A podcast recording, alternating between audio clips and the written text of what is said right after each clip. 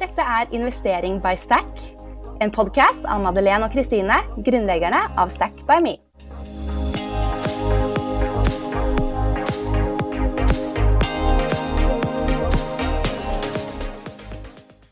Podkasten er sponset av 247 Office, som er favorittregnskapssystemet vårt.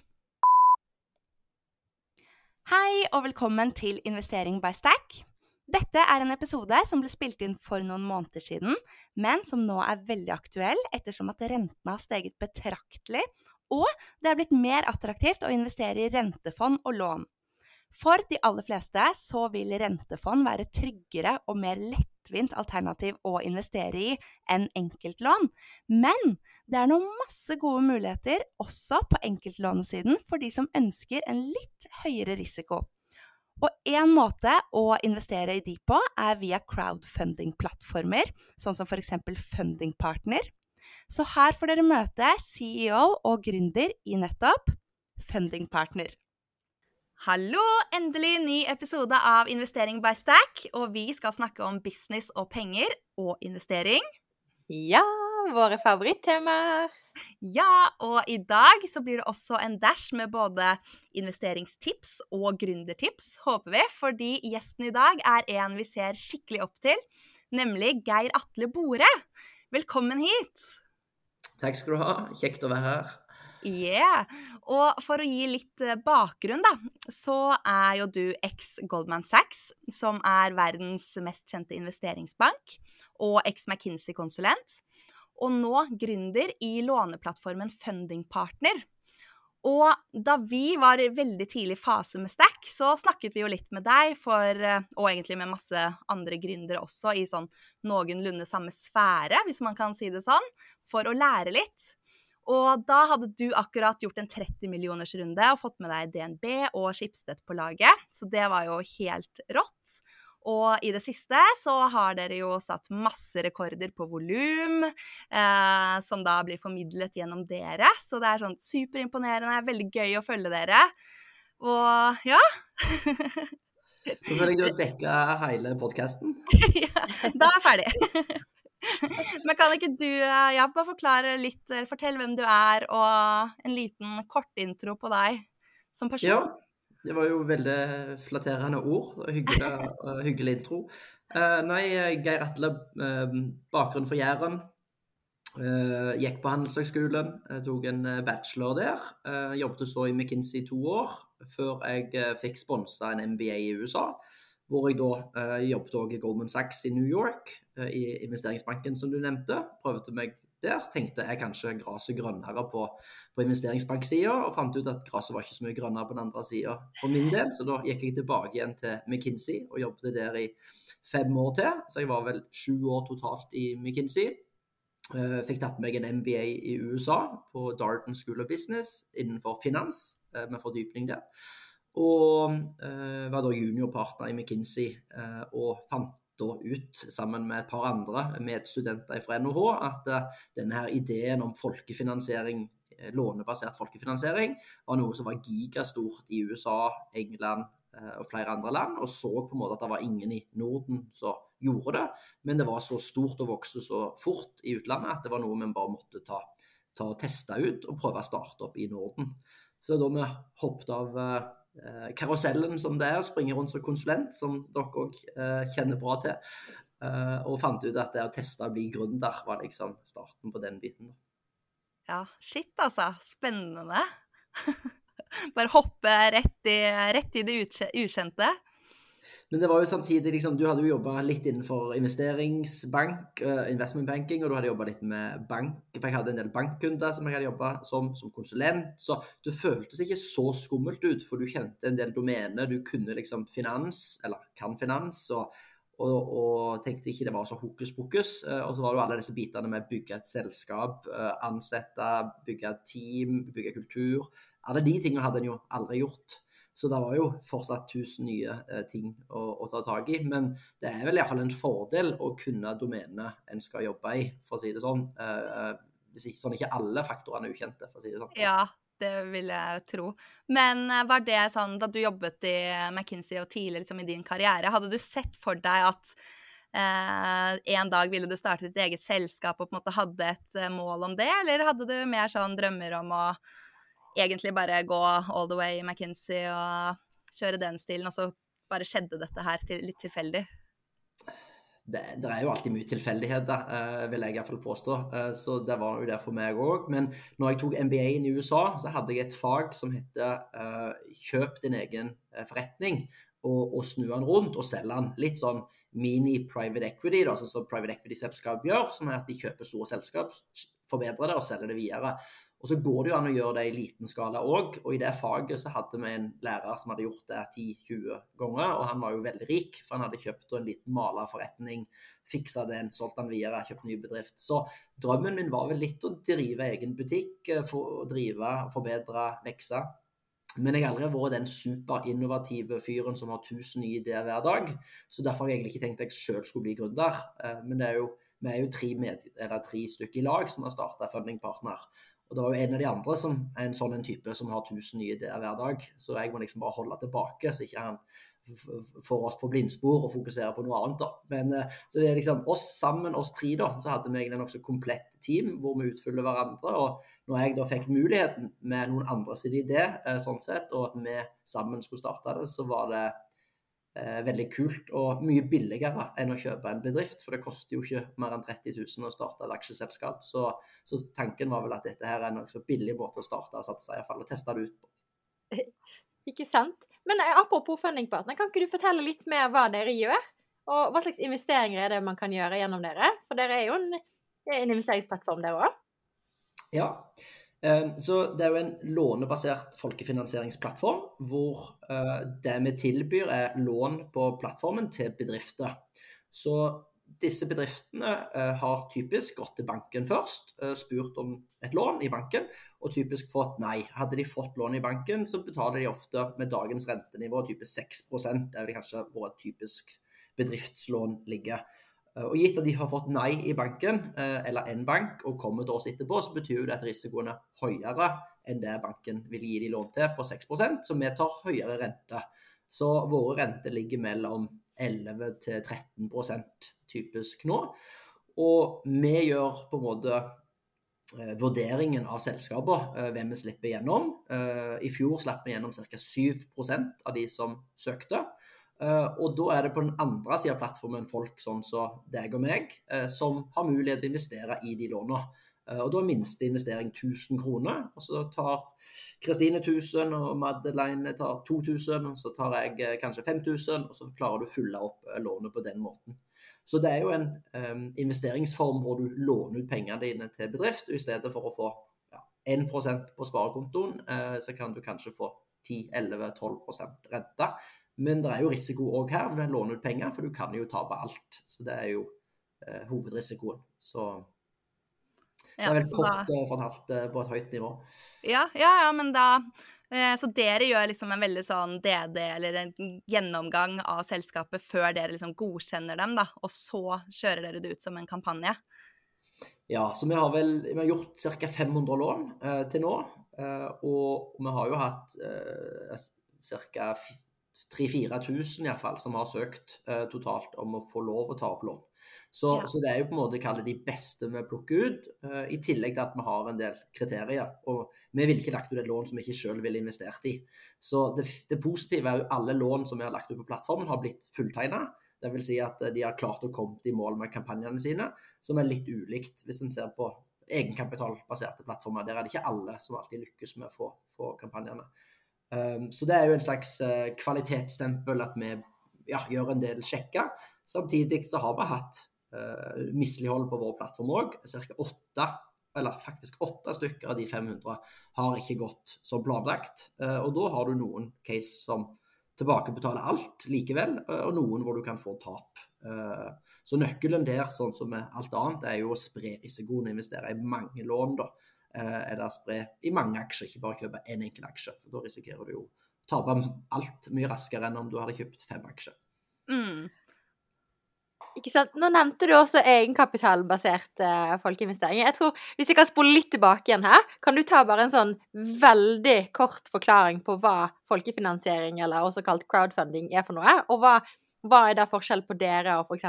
Ja, Folkeinvest, hvor eh, vi i Stekk har hentet penger? Um, så jeg liker ofte å, å si at det, den vanligste måten å fortelle og forklare det på, er at det er fire kategorier. Uh, så da har du vår kategori lånebasert, som jeg nevnte som én kategori. Og så har du egenkapitalbasert, som dere har henta penger fra, som jeg kan forklare. Og så har du donasjonbasert. Det er da Splice, som er størst i Norge, hvor du donerer penger til et formål. Du forventer ikke å få pengene igjen, eh, og du donerer dem til et godt formål. Det kan være eh, en restaurant i lokale bygder som sliter og sier hvis vi får penger, så prøver vi å overleve. Det var en del av det under covid. Og det kan òg være andre gode formål. Og den fjerde kategorien er belønning, eh, reward. Eh, hvor det beste norske eksempelet er Remarkable, disse iPadene som mange har sett. Hvor, hvor når de skulle starte produksjonen, gikk ut og hentet inn penger, ca. 100 millioner, via den type finansiering. Og lovte de første som uh, skjøt inn penger der, å kunne få en billig Remarkable. Men de tar jo risiko for at kanskje den aldri blir produsert. Uh, og da får du aldri de pengene igjen. Så de to siste, donasjon og belønning, jeg kaller de minste. Uh, og den andre som du nevnte, så, som Folkeinvest, er jo egenkapitalbasert. Og der har en mulighet å få Eller både eh, egenkapital og lånebasert er finansielle. Det er de to finansielle folkefinansieringstypene. Og grunnen til en investerer i de to, er jo at en har lyst til å få penger igjen eh, per def. Det er ikke veldedighet. Eh, og da har du på eh, egenkapital at en får aksjer en får eierskap. Så de som har investert i Stack by Me, har jo da fått x antall aksjer eh, hos dere. Og hvis dere gjør det dritbra, som jeg håper og tror, så vil jo på en måte aksjene kunne bli verdt veldig mye mer. Eh, og da kan jo de tjene 100% 200 300 400% så du kan liksom eh, firedoble beløpet du har investert. Det er jo ikke mulig hvis en investerer i lånebasert folkefinansiering. Da er det ikke mulig at beløpet blir fire ganger så stort. For da er jo poenget lån skal tilbakebetales pluss rente. Så du er på en måte begrensa oppad hvor mye du kan maks få. Eh, samtidig så er jo hva er argumentet for å investere i lån hvis du kan få aksjer for 400% og argumentet der er jo at det er ofte mindre risiko med å låne ut pengene. fordi at eh, hvis selskapet går konkurs, så får du potensielt noe penger igjen. Det gjør en jo typisk aldri hvis en er i et egenkapitalbasert selskap. Så risikoen er høyere, men avkastningen skal òg være høyere i egenkapitalbasert eh, folkefinansiering. Mm. Og man vet liksom på forhånd da, uh, mye mer hva man går til, hva, som er, uh, hva man kommer til å få, og når man får det tilbake. Det er et godt poeng. Det er jo en dato. Det, når skal uh. denne tilbakebetales? Så hvis en kjøper aksje folke, gjennom en folkebasert kampanje, så er det ofte tommelfingerregel. Ti år må du egentlig forvente at det kan ta før du får pengene ut. Mens på et lån så står det tolv måneder løpetid, kanskje. Da vet du at de skal måtte betale deg tilbake, med mindre de går konkurs. Og du vet renta på forhånd, sånn at det, det, er ikke liksom usikkerhet rundt det. Mm. Ok, Så tolv måneder er typisk løpetid på et lån hos dere? Ja, 12 til 14 måneder er det typiske. Så har vi noen som er tre måneder og seks måneder, og, og, noen som er lenger. Så der har du en annen kall det, fordel med lånebasert versus vanlige aksjer. Da, er jo at Hvis du skal kjøpe bolig om tolv måneder, og vet at du skal kjøpe om 12 18 måneder, så er det litt dumt i forhold til økonomisk teori å legge pengene inn i aksjer, fordi aksjemarkedet kan jo flytte seg 30% med markedet. Uh, mens uh, lånebasert folkefinansiering skal i teorien ikke flytte seg. Du skal få det du har blitt lovt, med mindre du får mislighold. da. Så, så det, sånn, lengden på, på lånene er egentlig nokså bra på en sånn en eh, kort til mellomlang eh, horisont. Mm, ikke sant. Og ja, hvor, hvor, store er typisk lånene som dere henter inn, da? Eh, ja, vi, vi, var jo en, en startup i starten, og da har du ikke like mange investorer. så En begynner jo litt lavt. så jeg tror Det minste lånet vi har gjort noen gang, er 100 000. Men så lærte vi jo at det var veldig mye jobb for veldig lite penger. Eh, så da har vi jo økt minstekravet vårt. Så nå er det 1,5 million som er det minste. Eh, og det største lånet vi har gjort, er 30 millioner. Så kall det ja, typisk lån er 5-10-15 millioner kroner. Mm, og minstetikket er alltid 1000 kroner? 1000 kroner hvis det er lånebasert folkefinansiering, men vi fikk faktisk en ny konsesjon fra Finanstilsynet i fjor som verdipapirforetak. Dvs. Si vi har fått eh, investeringsbankkonsesjon, og da har vi òg lov å gjøre noe som vi kaller for obligasjoner. Og der er det, eh, der er det 20 000 som er minstetegning, men for lån da, innenfor folkefinansiering så er det 1000 kroner alltid. Ja. Mm, ikke sant. Jeg hadde tenkt, Nå har du vært litt inne på det, da, men liksom fordelene og ulempene i forhold til vanlige aksjer og fond. Men i hvert fall sånn som jeg forstår det litt også, da, at dette gjelder kanskje på litt kortere sikt. Eh, og mer at man forhåpentligvis da, at det er mer transparent. Man vet akkurat hva man kommer til å få. Eh, både og. Hvis du kanskje trenger pengene om tre måneder, så er det veldig dumt å låne ut til et tolv måneders lån.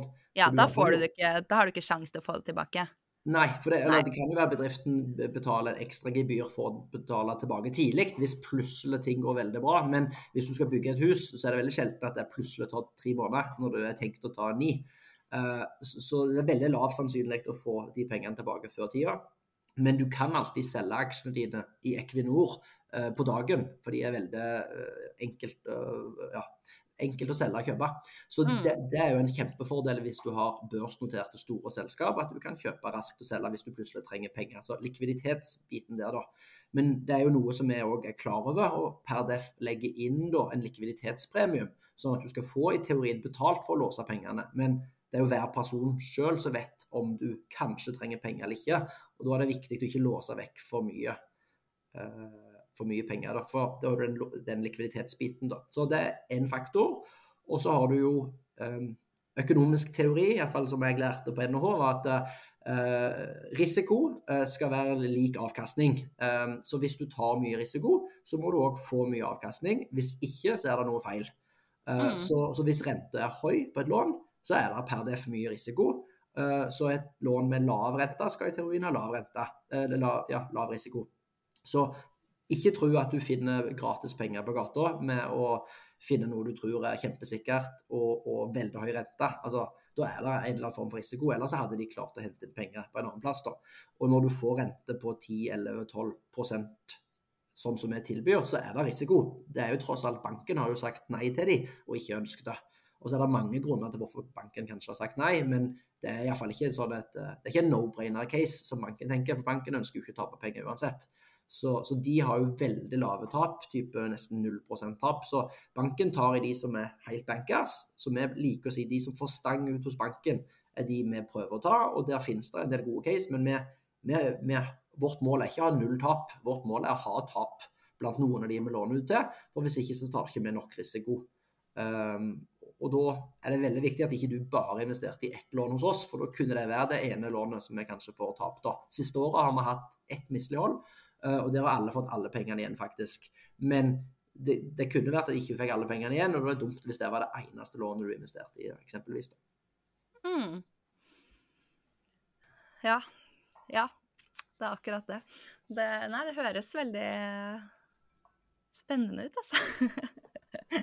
Men uh, det har jo også vært litt uh, blest rundt crowdfunding i det siste. Både uh, at det var et forslag på at det skal bli ulovlig med enkelte lånetyper, og kritikk av de som heter Monio, for kvalitetssikring. Er det noe som påvirker dere i noen grad? Så det at journalistene er på ballen, det er egentlig veldig bra. Fordi at det betyr bare Det er mange folk som er registrerte på de ulike folkefinansieringsplattformene, og der er mye penger i omløp. Og det at journalister er på ballen, gjør jo at du får uh, scrutiny.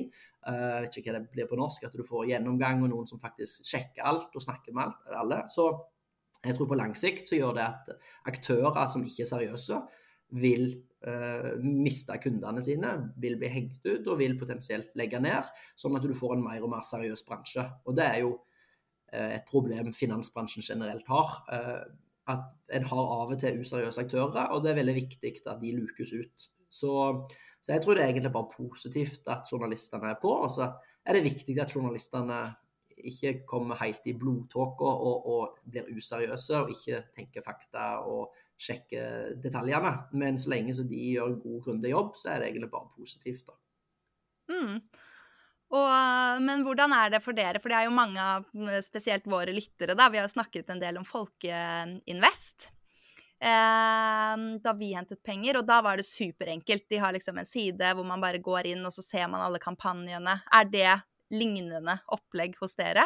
At man bare ja, så, du, så, en forskjell er vel at Folkeinvest eh, godkjenner vel kanskje en prosentandel høyere eh, vi er vel litt mer selektive i antall kampanjer vi legger ut, og hvorfor vi har 100% track record. Det er ikke alle som lykkes hos, hos Folkinvest.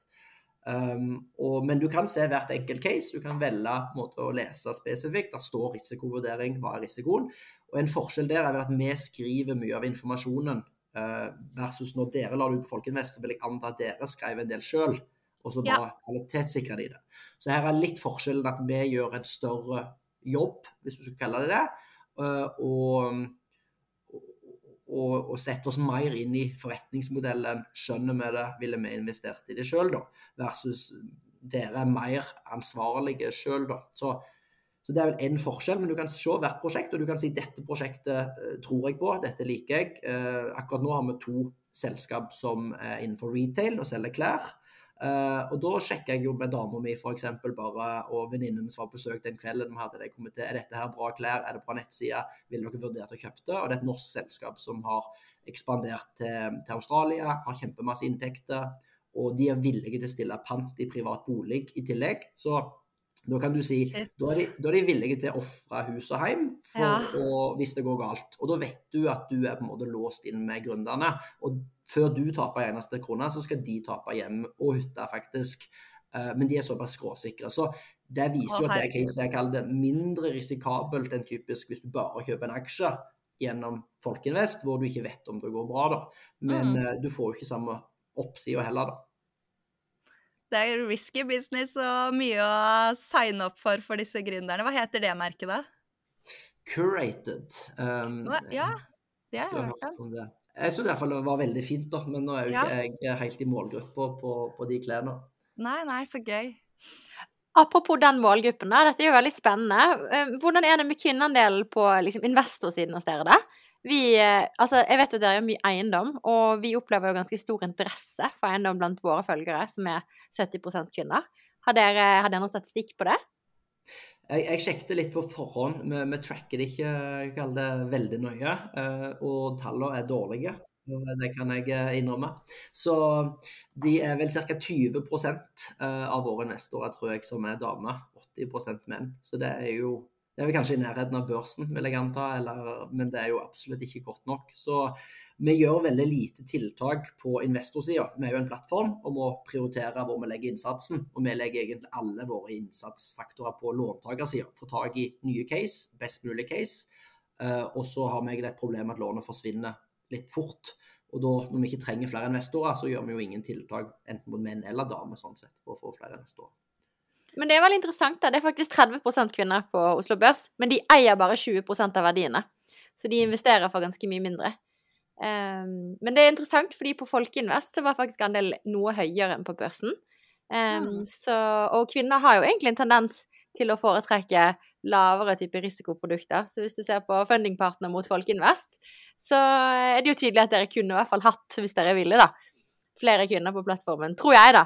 Um, det tror jeg òg. Jeg tror vi har kjempepotensial. Og, og, de fleste av våre investorer, eh, det er jo ikke forskjell på menn og damer, det er jo liksom Er det enkelt å forstå, så liker de det. Så uh, folk liker ikke å lese fem sider tettskrevne med tekst. De har lyst til å lese uh, fem linjer med tekst. Og hvis det da står du får pant i, i bolig, du får førsteprioritet pant, som du ikke kan nesten tape penger uansett, og selskapet holder på med dette, de skal gjøre dette, og du skjønner det, da er det liksom greit. Og så investerer folk. De har ikke lyst til å lese fem sider med detaljer om noe. Og eiendom er ofte det enkleste å forklare. Og hvis det er et sted du vet hvor er, du tror der bor det masse folk, der går det an å selge bolig, eh, og du får den og den sikkerheten, og kanskje eier til og med garanterer personlig, så vet du at eh, her har de låst, de låste prosjektet med både sele og, og belte, liksom. Så er det mange som liker det. Noen sier f.eks. jeg tar kun i lån hvor personlig garanti er inkludert de ikke vil ha uten det. Så det er jo noen investorer som har litt ulike investeringsstrategi. Eh, noen går kun etter risikoklasse A og B, hvor du har lavere rente, mens noen sier de vil også ha risikoklasse C, som er litt høyere rente. Men der er det jo forskjellige strategier og preferanser sånn sett.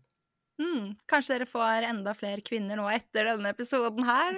Vi har mange kvinnelige lyttere her, i hvert fall. Det Men det Folkeinvest var veldig gode på også, det var jo å pushe selskapene til å gjøre gode marketingkampanjer selv da, rundt eh, pengeinnhentingen. Så, og da, sånn som for oss da, som bruker veldig mye sosiale medier, da får jo vi eh, veldig god reach mot vår målgruppe, som er kvinner, da. Så Vi gjør faktisk ingenting av det. Så bedriftene hos oss trenger ikke Vi krever ikke at de legger ut en eneste social media-post, eh, ikke at de ringer en eneste venn. Og det er en sånn ting i Norge at det er litt sånn uting å spørre om lån og spørre om penger. Eh, Ja. I Norge skal du helst ikke låne penger, for hvis du låner penger, så betyr det at du ikke har nok penger sjøl. og, og så klart må du låne penger for å skalere et selskap, men det er bare en lån er liksom en uting, da.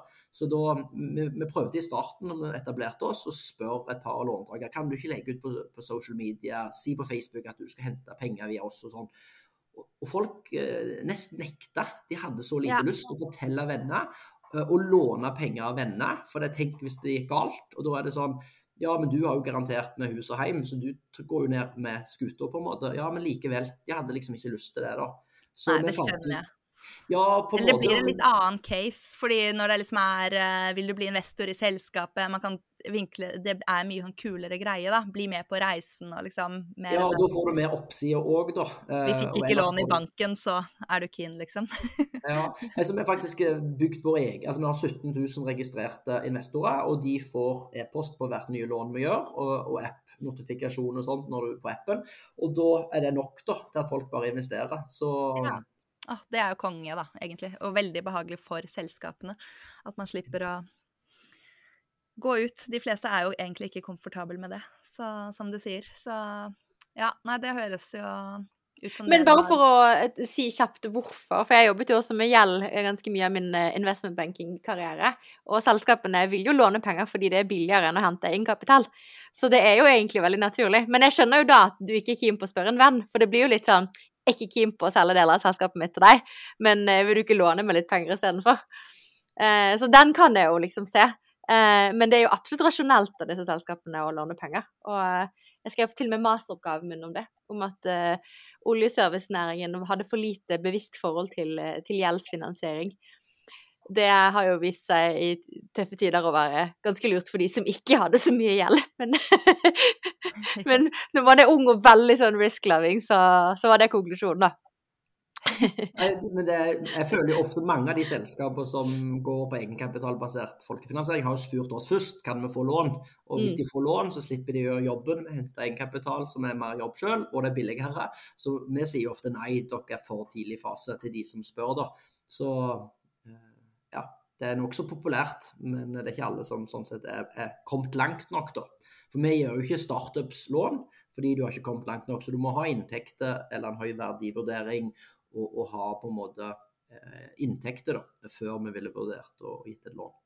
Mm. Ja. Dere gjør både eiendom og så også litt sånn vekstselskaper i andre bransjer i tillegg. Ja, mye innenfor tech, da, så hvor vi ser på en måte at de har eh, sånn som kalles ARR, Annual Recurring Revenue, at de har faktisk signerte kontrakter eh, og inntekter. Sånn at hvis du måtte, eh, kall det permittere flere ansatte, så ville du fortsatt hatt inntektene som kommer inn, og du kunne på en måte solgt dette selskapet til noen andre. Så den bransjen der som kanskje har røde tall da, og taper penger på bunnlinja, som banken ikke har lyst til å låne, fordi de ikke har masse god sikkerhet, de kunne vi fortsatt gitt lån til. da. Så vi har en del kule sånne scaleups som har hatt hundrevis av millioner i verdivurderinger og, og hentet masse kapital og masse inntekter. De får likevel ikke lån i, i banken. da. Mm. Ja, nei, spennende, altså. Jeg, føler det her kunne vi egentlig snakket uh, kjempelenge om. Men uh, vi, vi er jo også litt nysgjerrig på din privatøkonomi, vi da, Geir Atle. Ja, å spørre om det. ja, fordi du har jo gått fra, ja, man kan jo kalle det en rakettkarriere med god lønn og alt, til å hoppe ut i en gründerreise. Og hvordan har det vært for deg pengemessig? Uh, liksom, har du en fast, god inntekt nå? Og har det vært sånn fra start? Eh, For å svare på det siste først. Ja, jeg har heldigvis en god eh, månedlig inntekt nå. Eh, Fortsatt veldig mye lavere enn det jeg hadde den dagen jeg slutta i McKinsey. Men jeg skal ikke klage. Nå har jeg faktisk fortsatt lønn. Og den dagen jeg slutta i McKinsey, så var jeg ung og dum og naiv, som mange er. Når en er gründer, er det viktig å ta litt risiko og, og ikke skjønne helt den risikoen en tar. Og da, da trodde jeg faktisk at det tar tre måneder, og så, og så har vi opp å stå og kan hente ekstern kapital og kan, kan eh, begynne å selge, tjene penger og, få, og ta ut lønn. Mm. Men der tok jeg feil. Eh, Det tok 18 måneder å få konsesjon fra Finanstilsynet. Og vi ville liksom, hvis ikke du hadde konsesjon, så hadde du egentlig ikke lov å drive selskapet. Og da var det jo egentlig ikke vits å hente inn ekstern kapital. Det var egentlig ikke vits i å hente penger fordi jeg bare skulle ta ut lønn eh, og sånn. Så da trodde en jo hele veien i den perioden mellom 3 og og 18 måneder da, at neste måned får vi konsesjon, neste måned får vi konsesjon. Så da, da var det tøft. Da um, leide jeg ut på Airbnb og bodde hos kjæresten og kutta alt av kostnader som kunne kuttes, og droppet liksom diverse ferieturer og, og levde på oppsparte midler, da. Men, eh, så, men det er jo en del av gründertilværelsen. Tenkte du noen gang sånn Åh, skal jeg bare banke på døren til McKinsey igjen, eller eh, skal jeg stå i dette?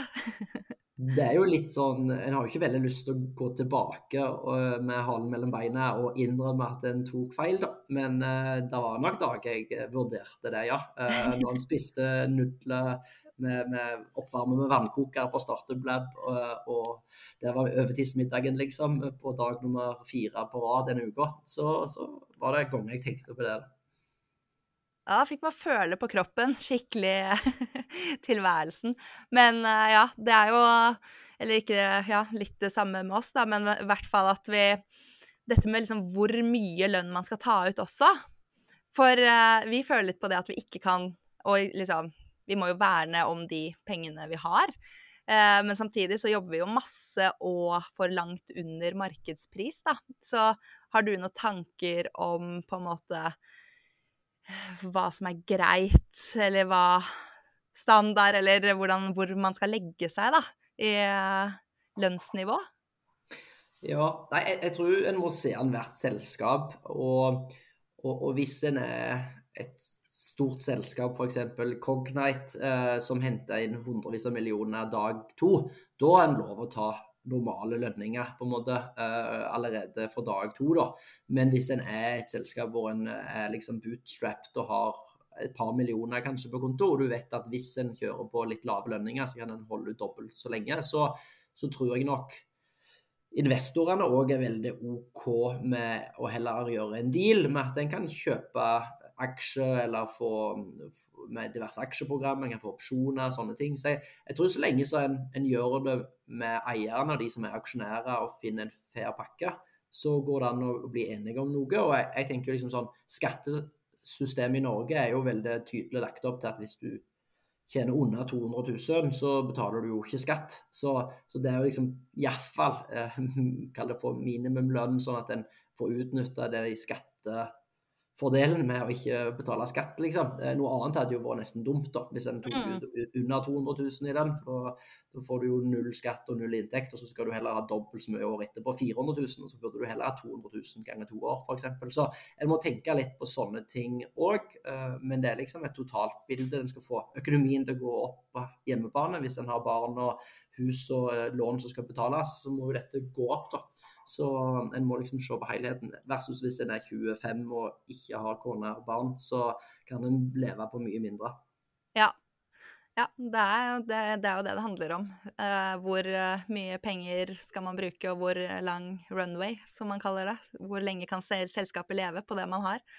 Så Men det går jo Ja. an de siste tre månedene på en runway og spør de ansatte er en villig til å droppe å ta lønn to måneder på rad fordi vi klarte ikke hente inn kapital som vi håpte på, mot at vi da får x antall aksjer og sånne ting hvis det går bra. da.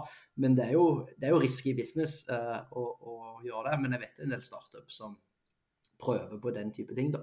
mm, Ja, det gjorde vi også i høst før vi skulle hente penger. Så hadde vi mange måneder som vi gikk ulønnet, da. Men da går man jo på liksom bare med den innstillingen at man bare Vi vet vi får hentet penger.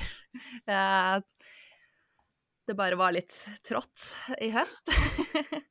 Ja, det kapitalmarkedet som var nå i høst, har jo vært noe av det eh, ja, det tøffeste med den seks-syvårsperioden jeg har vært i businessen her. Ja. Apropos det, eh, hente penger-tips. Hvilken eh, runde av deres kapitalrunde husker du som den vanskeligste? Og hva er dine på en måte, beste learnings fra det? En føler jo alltid at det er vanskelig å hente penger. Det er jo alt, det, er jo aldri lett, da.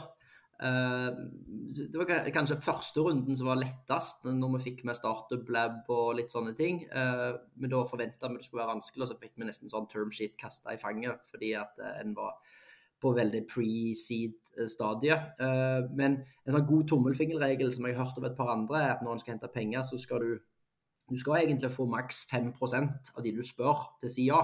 Hvis du får mer enn 5% så er det litt for lett, og da har du egentlig for lav prising.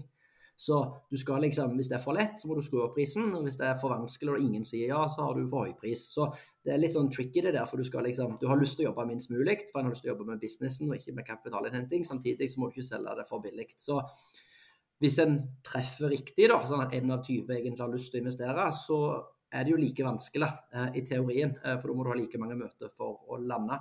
Så, så de var vel ca. like vanskelige. Den siste runden vi henta med 44 millioner, og den runden vi henta 20. De to var på en måte ulike utfordringer og ulike spørsmål og sånt, men det er jo vanskelig begge deler. Eh, men det er vel de to som vel har vært tyngst. Mye lettere å hente et, et par millioner når uh, ja, Startup Lab eller Trond Riber Knutsen og andre bare liksom eh, committer med en handshake i første møte, type deal. Da, mm. da, er det ikke så vanskelig. Men da lurer han etterpå har han solgt seg selv for billig, da. Men eh, da har han handshake, så da kan han ikke gjøre så mye med det. Men hvor mye penger har dere hentet totalt, da? Eh, Ca. 70 millioner. 70-75 eller noe sånt, kanskje. Ja. Shit. Ja, det begynner å bli en del, det. Og hva med Gikk dere inn med mye startkapital selv? Vi har gått inn med en del i starten, ja. For vi, ja, og å. Fikk litt penger av Innovasjon Norge, eh, som var superbra. Og, og et par engleinvestorer i tillegg. Så da har vi egentlig fulgt inn flere runder. I tillegg til at vi gikk den 18-månedersperioden uten lønn, da. Som jeg òg sånn sett kaller for å ha gått inn med, med egne penger. Um, ja, det er jo på et vis det. Ja, det er Men, jo det. Men hva med i vanlige aksjer eller uh, aksjefond og sånn? Investerer du noe i det, eller er det da all in your business? Nei, jeg har vært heldig og det ja, sparte opp et par kroner før jeg begynte, så jeg har ikke brukt opp alle pengene. Så jeg investerer litt der. Så jeg har eh, så klart alt av pensjon. Der har jeg 100% på, på aksjeandel eh, i, i fond. da. Og så har jeg, eh, og så har jeg, eh, og så har jeg jo en del enkle aksjer òg, da. Så jeg syns det er litt gøy å følge med. Spesielt eh, bankbransjen har jeg hatt flere aksjer hvor jeg satser på. Olje og gass og litt sånn følger med og kjøper på børsen. Så det er litt gøy. Ikke sant? Ja. Bank er det jo mange som mener er billig nå. Så Jeg har et par bankaksjer som jeg har veldig troen på. Og i tillegg til olje og gass eh, syns jeg er, eller oljeprisen er veldig lav nå da, i forhold til hvor den bør være. Så Aker BP har jeg òg eh, kjøpt meg inn i. Uh, I tillegg til Entra, da, som er eiendom, som jeg òg føler er overraskende billig da, i forhold til de boligprisene eller prisene som er på eiendom. Da. Ikke sant. Ja, det jeg hadde akkurat eller samme diskusjon med mannen min her forrige uke. Han var veldig usikker på den Aker BP. Så da burde vi hatt aksjer når vi får aksjer i Stack-appen. Da kan jo dere fulgt hverandre, og så kunne man sett sånn Å, kjøpte Geir Atle? Da hopper jeg på, jeg òg. det hadde vært veldig kult, faktisk, å se hva Lars holder på med. ja. Du får starte med litt fond da, i appen, så kan vi følge, følge med på det, hva du gjør der. vi har jo en olje- og gass-ETF. Det ja, har vi. Ja. Mm. Men hva med Ja, da du uh, var på fjerde dagen med nudler uh, på Startup Lab, uh, tenkte du noe over dine økonomiske drømmer for fremtiden? har du, eller har du noen liksom ultimate pengedrømmer? Jeg har en litt sånn drøm, guilty pleasure, skulle jeg si. Men det er liksom da å å få sørlandshytte. Uh, og der får jeg litt kjeft av dama som er fra Østfold. Hun sier det heter ikke sørlandshytte, det heter sjøhytte. Og det kan òg være i Østfold. Så, ja. så, men, men, ja, ei sjøhytte uh, er liksom den drømmen, da. Har råd til å kjøpe det. det. det. er det som er drømmen, ja. Ja. Åh, ja, det hørtes fint ut. Vi blir med. henne. Vi kommer. uh, ja. Nei, det, det, er jo bra, det, å ha noen mål å strekke seg etter. Et sted å slappe av når du har eh, kommet bedre på denne reisen din og stå godt i det. Men hva er din Jobbe fra hyttekontor. Ja, det er det det blir, vet du. Men eh, ja, vi pleier jo ofte også å spørre deg hva er din beste og din dårligste investering?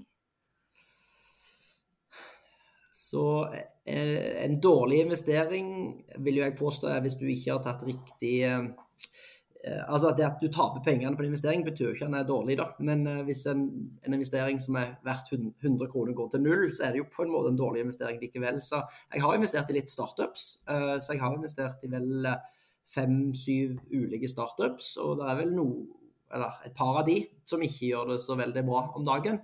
Eh, fordi det er vanvittig tøft. Og så angrer jeg ikke på å ha investert, for jeg tror det hadde veldig bra sjanse. Men så kan det være stang ut på diverse eksterne faktorer og sånne ting. Så, så der har jeg et par investeringer som mm.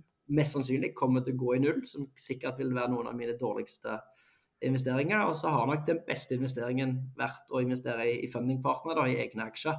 Ja. Uh, så tenker du liksom diversifisering og skal putte penger i andre ting, men der har en jo ikke mulighet til å påvirke det. Så angrer en litt etterpå at en ikke bare putter heller mer i eget selskap. Men det, det er lett å være etterpåklok, uh, for å si det sånn. Ja, Men hvordan er det da med disse startupene som ser ut til å ikke bli så bra, da? Tenker du liksom bare sånn Fader, du angrer på det? Eller tenker du litt sånn OK, du har faktisk vært med og gitt dem en sjanse, at det nesten har vært verdt det likevel, eller? Eh? Nei, jeg heldigvis angrer ikke på det, da. Uh, og det er jo fordi at de har gitt jernet, og, og, de har prøvd, og de, du ser hva de får til. Og de har fått til mye, men det har liksom likevel kanskje ikke gått veien, da. Og, og, det å investere i tidlig fase, dvs. Si gjennom sånne egenkapitalbaserte plattformer, det vil kalle én av 20 som bør lykkes eh, statistisk sett eh, på tidlig fase-investeringer. Og så skal du helst ha 20-gangen på, på, den, og så skal du ha en som kanskje du får pengene igjen på. Så at jeg da ikke har truffet på mine syv investeringer, er jo egentlig helt logisk. At kanskje mm. alle syv skal gå i null, da. Eh, så det gjør jo at eh, jeg tenker kanskje jeg ikke skal selv plukke så veldig mange enkle aksjer selv, og heller prøve å investere i et fond som investerer i startups. Da. Så nå har jeg fått mulighet til å investere i uh, Founders Fund, som er Startup Lab sitt fond, og de investerer igjen i type 30-40 ulike startups. Mm. Og i teorien, i hvert fall, hvis jeg da får uh, 30-40 uh, i eksponeringer i et fond, så bør de treffe på en eller to. Eh, og du bør mm. få en bedre snittavkastning enn at jeg skal gjøre det sjøl. I tillegg så tar det mye tid. og Det er jo gøy å hjelpe startups og sånn, så jeg er med og stiller opp på, på, workshop og diverse. Men det tar mye tid. og til nå har jeg vel ikke kalt det være verdens beste på å plukke selskap. Og det er jo andre som driver med dette på fulltid, så det er noe med å vite hva en sjøl er god på og ikke. Ja, ja, det er noe med det. Men hva, hva er drømmen din med fundingpartner, da? Hvor tror du at dere er om fem år? umulig spørsmål å svare på. Men ja. eh, ekspanderte vi til Sverige i fjor eh, og begynte der, og det har vært veldig positivt. Så, så nå blir vi mest sannsynlig, nå er vel første kvartal ferdig i morgen, eh, og siste tallene vi sjekker, så er vi største nordiske plattform på lånebasert for første gang, eh, faktisk. Yay! så det blir eh, det blir sykt gøy. Det er en milepæl for oss å, å, å tikke av. Gratulerer. Uh. uh, det, vi har holdt på i fem-seks år, og nå, liksom, nå, er du i Norge og Sverige og klarer å bli størst på nordisk nivå. Da. Så det er veldig kult. Åh, det er kjempekult. Uh, samtidig så er det liksom, vi er ikke lønnsomme ennå, for vi gønner jo på å ansette med 30 ansatte og sånn. Så målet er vel å bli like kjent i Sverige som vi er i Norge. Og så er vi ikke så kjent i Norge, men det er bare i Sverige liksom ingen som kjenner høyre til oss, liksom. Uh, så målet må jo bli å bli nordisk i alle nordiske land, og bli sånn at folk flest som har eh, investerer litt penger, har hørt om oss. Og kanskje få noen få til å faktisk vurdere å bruke oss. Eh, og så trenger vi ikke alle til å bruke oss, fordi det er jo litt spesielt å investere i lån. Det er jo sånn, eh, det er ikke sånn som alle nødvendigvis kommer til å bruke. Men vår benchmark er jo der er noen av disse her nettportalene hvor du kan investere aksje, uten å nevne noen navn, som har, eh, har et par hundre tusen eh, brukere i Norge. Som, eh, og da tenker jeg, Hvis det er 200 000 som investerer i aksjer på disse plattformene, så er det ingen grunn til at de 200 000 ikke også kan investere i lån. Så nå er vi på 17 mm. 000 som er registrert hos oss. så vi skal vi skal opp mot det 200 000-tallet, da, fordi det er jo lettere å investere i et lån enn å velge en aksje og følge med på analyse osv. egentlig. Absolutt. Men, ja. men så mål, målene er store, da for å bli, for å bli mye større enn det vi er i dag, Iallfall både i Norge, Sverige og andre nordiske land. Enig. Jeg tror det er eh, kjempepotensial. Men uh, sist uh, og ikke minst, da, for vi har jo mange unge lyttere også som hører på denne podkasten her, som, uh, og det er jo lett å bli inspirert av din superkarriere. men har du noen tips til hvordan man kan gå frem for å f.eks. komme inn i, eller få jobb da, i Goldman Sachs eller McKinsey? Hva skal til? ja, eh en ting i hvert fall som jeg ikke fikk eh, høre, var jo liksom det med karakterer. da. At karakterer betyr alt. Eh, når jeg begynte på NHO, så var det noen som sa til meg at det betydde ikke så mye om en hadde A- eller B- eller C-snitt. Og det kan jeg vel bare si rett ut at det er bare tull. Karakterer betyr sykt mye hvis en da vil ha toppjobber. Eh, og være klar over det og vite det fra dag én, og ikke finne ut det midt under studiet. For da er det veldig tungt å, å fikse det. Det mm. skulle jeg gjerne ønske at jeg visste litt før. Eh, og det bør folk bare vite. Eh, og så betyr ikke det at du må ha toppkarakterer for å få en god jobb, men hvis du skal ha de toppjobbene, så er det trangt i, i døra. Mm, hvis ikke får du ikke intervju, og da ja, får man liksom ikke vist hvor bra man er. Det er veldig mye vanskeligere, i hvert fall da. Og så er det noen få unntak av folk som klarer faktisk å få seg intervju til tross for dårlige karakterer, men det er mye, mye, mye vanskeligere. Mm. Uh, og i USA, når jeg tok MBA-en min der, der sitter folk og terper og øver på case-intervju uh, og øver hverandre opp. Og de blir mange hakk bedre enn det folk er som er på, i Norge på intervju. da. Så det er ikke så veldig vanskelig å bli bedre enn mange andre, men det krever øving. Uh, så jeg kan ikke ta den der app og møte opp og gå opp ta på sparket. Så det å legge inn, kjøpe uh, case-intervjuguider på nett, både til investment banking eller til consulting, der finnes det masse av. Og bare finn en venn som har lyst på samme type jobb, og sitte og øve med hverandre. Og så kan du veldig mye påvirke prosentsannsynligheten du kan uh, naile intervjuet, da. Mm. Ja, det, det, er to veldig konkrete, bra tips. Det, ja, og, men uh, hva tror du om uh, det når man da blir gründer, da? Har det vært bra å være innom sånne type steder først, eller kan man like gjerne bare dundre på rett ut i gründertilværelsen? Du kan begge deler. Eh, og hvis du har den perfekte ideen når du akkurat er ferdig på studiet, eller skal til å være ferdig på studiet, så er det jo litt dumt å vente fem år, og da tar noen andre ideen din, og osv. Så, videre. så det er nå et case by case-vurdering. Men eh, jeg har jobba på siden av et par som var rett ut fra skolen når vi starta opp, og de lurte jo på sånn Hvordan gjør du et innsalg? Hvordan kontakter du en person som har jobbet i de fire store? Og så er det sånn Nei, du plukker opp telefonen og ringer, eller sender en LinkedIn-melding. altså Det er jo ikke så veldig vanskelig, liksom. Men de hadde jo aldri kontakta noen som de ikke kjente. Så det er liksom mye sånne banale, enkle ting som du lærer i et par år i næringslivet, um, som sikkert de hadde hatt godt av. Nå har de lykkes til tross for det. Men uh, du får uh, En ting du får hvis du har jobbet et par år uh, i anerkjent selskap, er jo at du får et stempel som seriøs. Så når du som gründer Ofte er det litt sånn Å, søt liten gründer. Hva er det du har funnet på? Er det noe mm. seriøst? Og så Hvis du da sier hvor du har jobba før, så blir det sånn Oi, jeg skal ta deg seriøst. Og det burde ikke være sånn, men dessverre så, så er det litt sånn, føler jeg, da. At du blir tatt mer seriøst hvis du kan si du har hatt en skikkelig jobb før. Å ja, da skal jeg lytte til deg.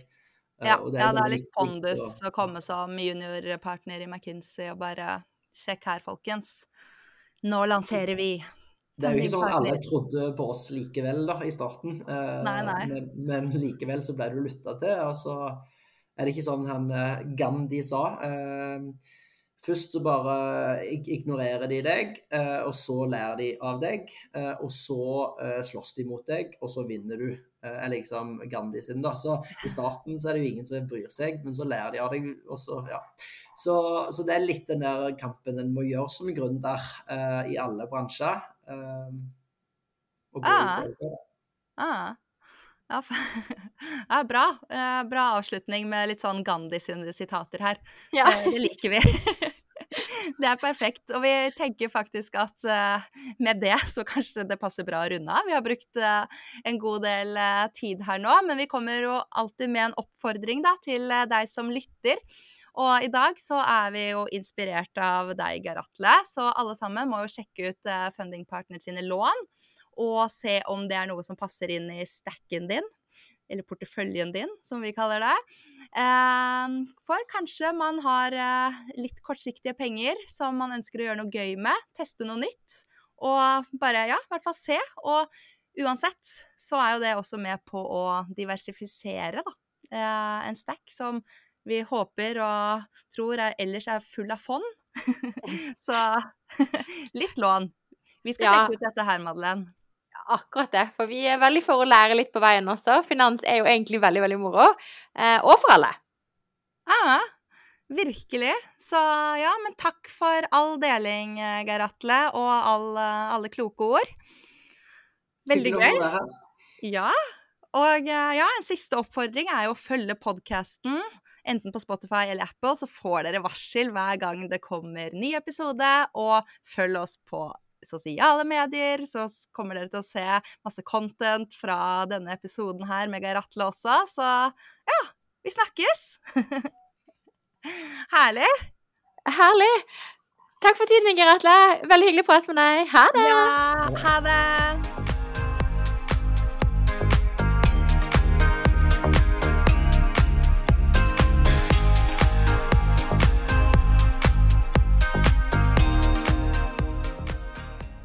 Sies at denne podkasten må anses som markedsføringsmateriell, og innholdet er aldri en investeringsanbefaling. Podkasten er kun ment til inspirasjon og informasjon.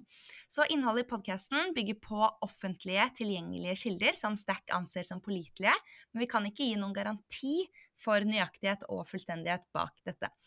Så Stack by me tar ikke ansvar for eventuelle tap som dere lyttere kan møte dersom dere bruker informasjonen som blir gitt i denne podkasten.